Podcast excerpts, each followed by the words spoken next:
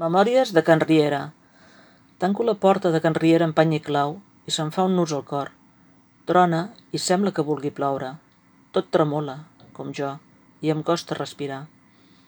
Deso l'última caixa a la furgoneta i m'acomiado del roure, el meu roure. Li faig un petó volador, fins sempre. I quan arrenco, al teu costat, m'escapço dins d'un mar de llàgrimes, just quan comencen a caure quatre gotes. Caminant ja, entre el cinzam del neteja parabrises, se'n desdibuixen els boixos i els lilars. M'acompanyen fins a l'eixida mentre els lliris i els geranis sembla que em vulguin dir adeu. Potser. Deixo tant enrere, massa records, massa vida dins d'aquesta primavera incerta. Avanço, d'esma, sense saber massa bé on vaig.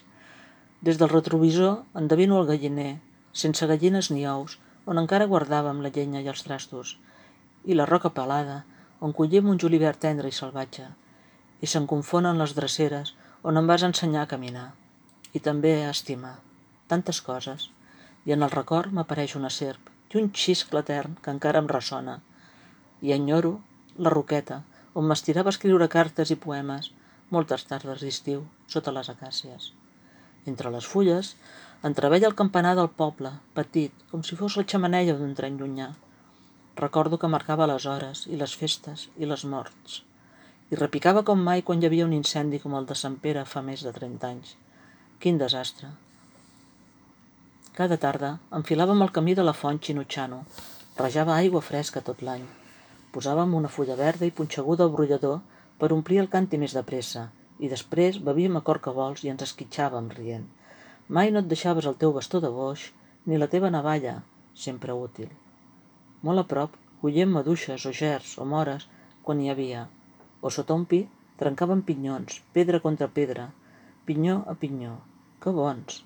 I jugàvem a fet i amagar pel bosc entre els arbusts, els corriols i el ramat del pastor i el seu gos, el lindo.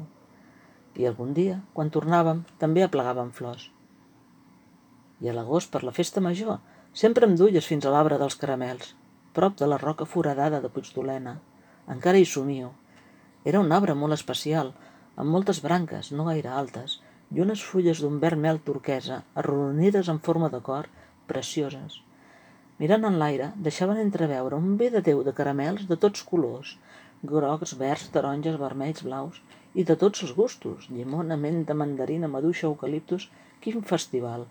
Els agafàvem amb molt de compte perquè no es trenquessin, i mentre n'omplíem més d'una bossa per als de casa, me'n menjava un bon grapat mig d'amagat.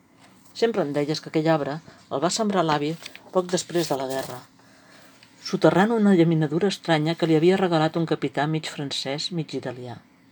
I em recalcaves que era un secret de família que no havia d'explicar mai a ningú. De fet, era tan i tan secret que sense tu no l'he tornat a trobar mai més.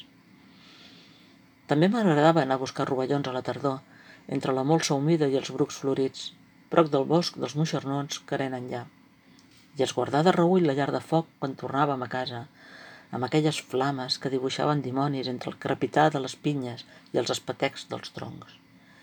I les brases rogenques, on feies les botifarres de la tenda i els bolets que havíem caçat al matí. Encara els oloro. I la mare ens ho servia a taula amb les bledes i les patates del ton o les mongetes del ganxet que havíem triat del sac del Pep el dia abans. Que bo que era tot. I l'avi bevia en porró mentre amb un somriure sorneguer sempre deia «L'aigua fa malbé els camins». Sovint, abans d'anar a dormir, m'entretenia remenant les brases per veure com s'apagaven els dimonis i a poc a poc s'anaven convertint en cendres. I l'àvia em deia «Et pixaràs al llit, vés a dormir, vinga, amunt». I a contracor pujava l'escala de pedra fins a l'habitació, blava, envoltada de pòsters de paisatges idíl·lics. I estirada al llit M'explicaves contes de llops i princeses que sempre acabaven bé. Llavors, apagaves el llum de la tauleta, em feies un petó de bona nit i jo començava a comptar els tels entre les teules. Un, dos, tres... I m'adormia feliç, abraçada ben fort al meu coixí i als meus somnis.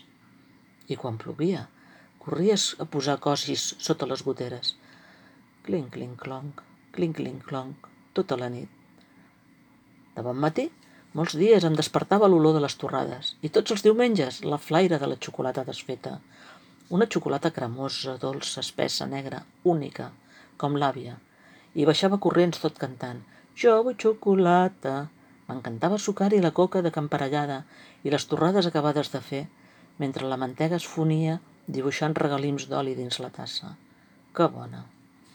I recordo aquell dia que mentre retirava els plats vaig veure un ratolí enfilant sa xamanella amunt, mentre jo, sense adonar-me, em feia un bot dalt d'una cadira i cridava «Socors!» I tots vinga a riure, mentre l'àvia era fora amb el seu cavallet, tranquil, pintant a l'oli tots els colors del paisatge. I el riu, petit, com de pessebre. I els caragols que s'enfilaven fent carreres per les baldes de les butaques blanques, després de la pluja. Efímers, com les partides de parxís que fèiem. Compto vint i continuo. Em maten i ara torno a començar. Tot un món que no tornarà, mai més, com tu, que ja ni recordes qui ets i m'aturo.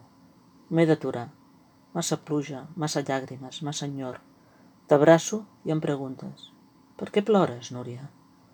I encara t'abraço més fort.